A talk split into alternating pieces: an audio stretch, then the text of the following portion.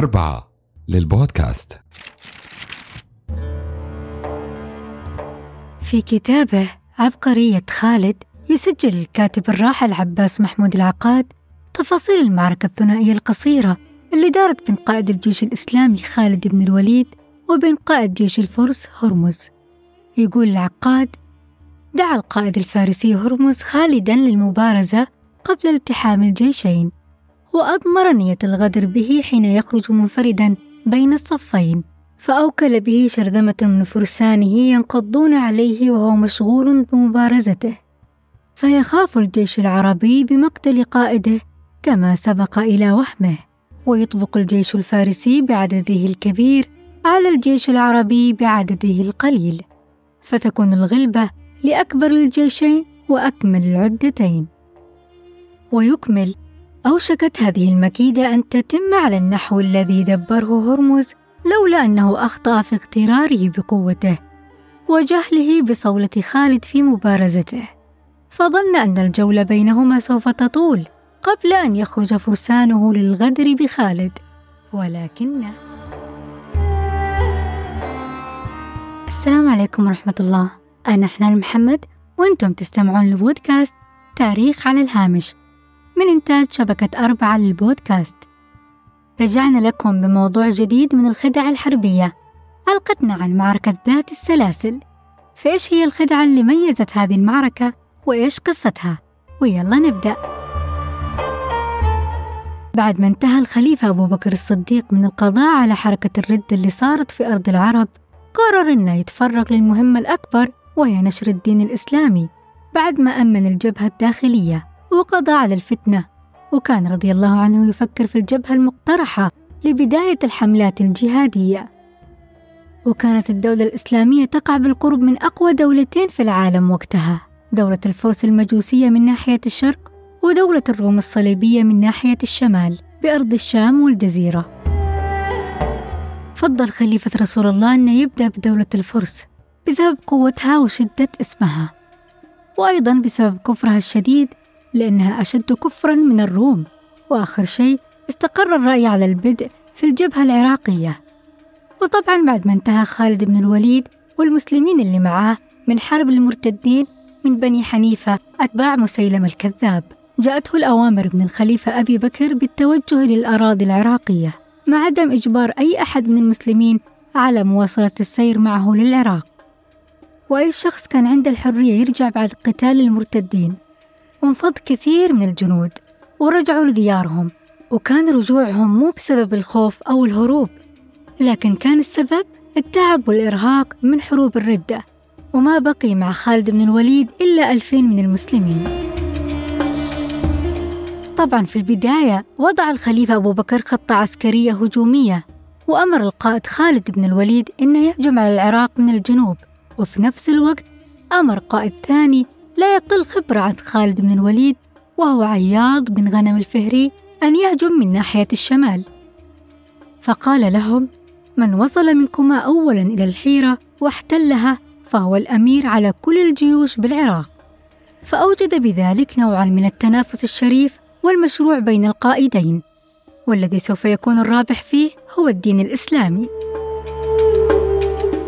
وكانت أول مدينة يوصل لها خالد بن الوليد هي مدينة الأبولة. وكانت مهمة جدا ولها استراتيجية كبيرة لأن فيها ميناء الفرس الوحيد على الخليج العربي. ومنها تجي كل الإمدادات للحاميات الفارسية المنتشرة في العراق. وكانت هذه المدينة تحت قيادة أمير فارسي كبير الرتبة اسمه هرمز. وهرمز كان رجل شرير ومتكبر وشديد البغض للإسلام والمسلمين. وكان العرب في العراق يكرهونه ويضربون فيه الأمثال ويقولون أكثر من هرمز أخبث من هرمز وغيرها. ولمن وصل خالد بن الوليد بالجيوش وكان عددهم قد وصل ل 18 ألف بعد ما طلب الإمدادات من الخليفة أرسل رسالة للقائد هرمز تبين حقيقة الجهاد الإسلامي.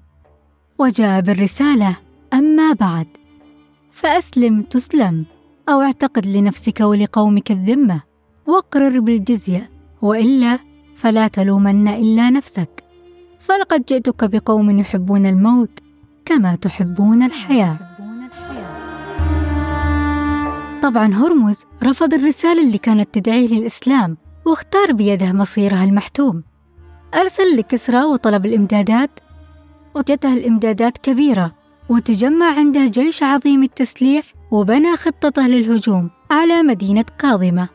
وكان يظن أن المسلمين يعسكرون هناك لكنه انصدم من العقلية العسكرية الكبيرة والفذة للقائد خالد بن الوليد.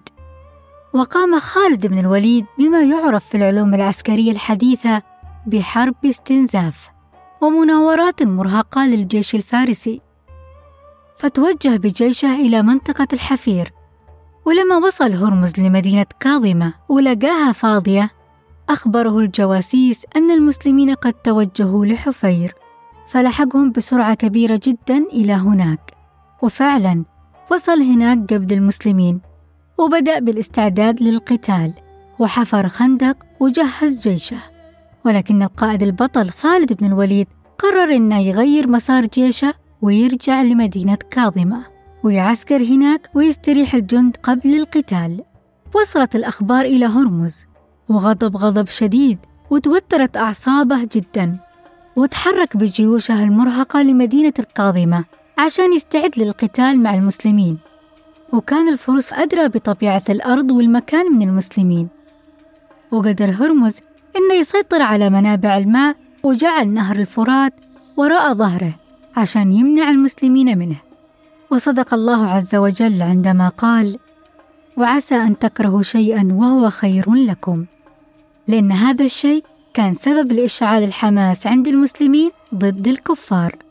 وقال خالد بن الوليد كلمته الشهيرة عشان يحفز الجنود ألا أنزلوا وحطوا رحالكم فوالله ليصيرن الماء لأصبر الفريقين وأكرم الجندين.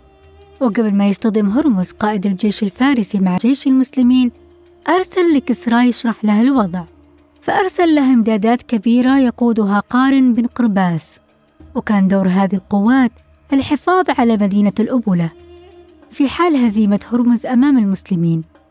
لأهمية هذه المدينة كما ذكرنا في السابق. لكن السؤال الحين ليش سميت المعركة باسم ذات السلاسل؟ كان هرمز رجل متكبر ما يستمع إلا صوت نفسه ورفض أنه يسمع لنصائح القادة وأصر على الجنود أنهم يربطون أنفسهم بالسلاسل عشان ما يفرون من أرض المعركة. كناية عن القتال إلين الموت. لذلك فقد سميت المعركة بذات السلاسل. وتعرف أيضا باسم معركة كاظمة على اسم المدينة التي وقعت على أرضها. لكن ذات السلاسل هي اللي اشتهرت فيها أكثر. وكان أول وقود للمعركة مثل ما هو معتاد وقتها أيام الحروب أن يخرج القادة للمبارزة. وخرج القائد الفارسي هرمز لمبارزة القائد المسلم خالد بن الوليد. وكان هرمز مثل ما ذكرنا شديد الكفر والخيانة. فاتفق مع مجموعة من فرسانه عشان يهجموا على خالد يفتكوا به وقت المبارزة. وبالفعل خرج خالد للقاء هرمز وبدأت المبارزة. وما يعرف عن خالد بن الوليد لم يهزم قط في مبارزة طوال حياته قبل الإسلام وبعده. وقبل ما تقوم مجموعة الغدر بجريمتهم الشريرة فطن أحد أبطال المسلمين الكبار لهذه الخباثة وهو الشجاع القعقاع بن عمرو. وخرج من بين الصفوف بسرعة شديدة واندفع مثل الأسد الضاري على مجموعة الغدر وقتلهم. أجمعين. وفي نفس الوقت أجهز خالد بن الوليد على الخائن هرمز وذبحه مثل النعاج. وكان لهذا الأمر وقع شديد في نفوس الفرس فانفرط عقدهم وانحل نظامهم بعد قتل قائدهم. وولوا الأدبار وهجم عليهم المسلمين وقتلوا منهم أكثر من ثلاثين ألف. وغرق الكثير منهم في نهر الفرات وقتلوا المربطين بالسلاسل جميعهم. وكانت هزيمة أليمة على الفرس وفر باقي الجيش لا يلوء على شيء. الحرب خدعة زي ما نعرف ومش دائما كل الخدع تنجح مثل ما صار في هذه المعركة. خدعة السلاسل كانت لعنة على جيش الفرس اللي كان من أعظم الجيوش في ذاك الزمان. تعالوا نتعرف على مهندس هذه الخدعة اللي صارت وصمة عار عليهم. من هو القائد هرمز؟ هو قائد فارسي عاش في القرن السابع الميلادي وما تتوفر معلومات كثيرة ودقيقة عن حياته وأصله. لكن يقال أنه كان قائد عسكري مهم في الجيش الفارسي وكان عنده خبرة كبيرة في التصدير للتحديات العسكرية واسمه الثنائي هو هرمز بن فحصوارة. أما عن الحيلة أو الخدعة العسكرية اللي نفذها في المعركة فهي كانت استراتيجية مدروسة وكان هدفها تحسين صفوف الجيش الفارسي وزيادة قوتهم في وجه الجيش المسلم. يعتقد أن فكرة ربط الجنود بالسلاسل راح تخليهم منسجمين وثابتين في صفوف الفرس وتقويهم أثناء مواجهة المسلمين. طيب أكيد أنكم سمعتم عن مضيق هرمز. خليني أقول لكم أنه هذا الاسم لا علاقة له بهرمز. اسم هرمز معروف من العصور القديمة وكان يطلق على المضيق اللي يربط بين الخليج العربي والمحيط الهندي. وهذا الاسم طبعا من تأثير وقوة ثقافة الإمبراطورية الفارسية بهذاك العصر. واسم هرمز نفسه زي ما قلنا هو اسم مشتق من الفارسية ويشير إلى إله الشمس في الديانة الزردشتية. وهو إله مهم في العقائد الفارسية اللي شكلت جزء مهم من تاريخ العراق والمنطقة في الأزمنة القديمة. أعتبر المضيق الواقع بين عمان وإيران اليوم من أهم الممرات المائية في العالم حيث يعبر عبر نحو 20% من إجمالي إمدادات النفط العالمية. خلونا نرجع لموضوع حلقتنا ونسأل هذا السؤال. هل المعركة انتهت هنا؟ ولا لسه باقي تفاصيل وأحداث؟ طبعا المعركة ما انتهت هنا لأن مدينة الأبولة ما تم فتحها لسه وفي جيوش قوية ترابط فيها عشان تدافع عنها في حال هزيمة جيوش هرمز. وصلت فلول المنهزمين من جيش هرمز وهم في حالة يرثى لها من هول الهزيمة والقلوب مفزوعة. وانضمت هذه الفلول لجيش قارن بن قرباس اللي تكلف بحماية مدينة الأبولة وأخبروه باللي حدث فامتلأ قلبه بالفزع والرعب من مقابلة المسلمين. وأصر على الخروج من المدينة عشان يقابل المسلمين خارج المدينة عند منطقة المذار. واختار هذه المنطقة تحديداً لأنها كانت على نهر الفرات. وكان قد أعد أسطولا من السفن استعدادا للهروب لو كانت الدائرة عليه. وكانت فلول المنهزمين من جيش هرمز تشوف أفضلية الجلوس داخل المدينة والتحصن فيها. وهذا من شدة خوفهم من لقاء المسلمين في الميدان المفتوح. وكان القائد المحنك خالد بن الوليد يعتمد في حروبه دائما على سلاح الاستطلاع اللي ينقل أخبار العدو أول بأول. ونقلت له استخباراته أن الفرس معسكرين بالمذار فرسل خالد للخليفة أبو بكر يعلمه أنه راح يتحرك للمذار عشان يضرب المعسكرات الفارسية هناك ويفتح الطريق إلى مدينة الأبولة وانطلق خالد بأقصى سرعة للصدام مع الفرس وأرسل بين يديه طليعة من خير الفرسان يقودهم أسد العراق المثنى بن حارثة. وفعلا وصل المسلمين بسرعة لم يتوقعها أحد من أعدائهم. لما وصل المسلمين لمنطقة المذار جلس القائد خالد بن الوليد يتفحص المعسكر وعرف بخبرته العسكرية وفطنته الفذة أن الفزع يملأ قلوب الفرس لأنه لما وصل شاف السفن راسية على ضفاف النهر فأمر خالد بن الوليد المسلمين بالصبر والثبات في القتال والإقدام بدون رجوع. كان جيش الفرس عددهم حوالي ثمانين ألف وجيش المسلمين ثمانية عشر ألف. وميزان القوة المادي في صالح الفرس. وخرج قائد الفرس قارن وكان شجاع وطلب المبارزة من المسلمين. فخرج له اثنين خالد بن الوليد رضي الله عنه وإعرابي من البادية يسمى معقل بن الأعشى. وسبق الإعرابي خالد وانقض الصاعقة على قارن وقتله في نفس الوقت. وخرج بعده الكثير من أبطال الفرس وقادته. وبارز عاصم بن عمرو القائد الأنوشجان فقتله. وبارز الصحابي عدي بن حاتم القائد قباذ وقتله في نفس الوقت. وصار الجيش الفارسي بدون قيادة. كان طبيعي أنه ينفرط عقد الجيش الفارسي بعد مصرع قاداته لكن قلوبهم كانت مشحونة بالحقد والغيظ من المسلمين فاستماتوا في القتال وحاولوا بكل قوتهم صد الهجوم الإسلامي.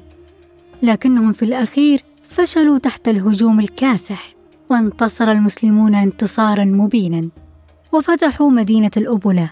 وبكذا استقر الجنوب العراقي في يد المسلمين وسيطروا على أهم موانئ الفرس على الخليج.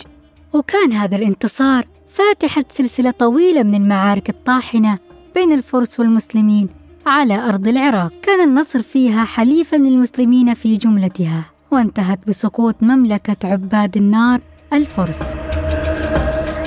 ولين هنا نصل إلى ختام حلقة اليوم. واسمحوا لي أذكركم بالرابط الموجود في الوصف للتواصل والتعليقات ولا تنسوا مشاركة الحلقة مع من تحبون. كنت معاكم في التقديم أنا حنان محمد وفي الإعداد محمد الجنادي والإخراج والهندسة الصوتية مريم محمد وفي التدقيق حلا البكري ومريم محمد أشوفكم في حلقة جديدة إلى اللقاء. وفي أمان الله.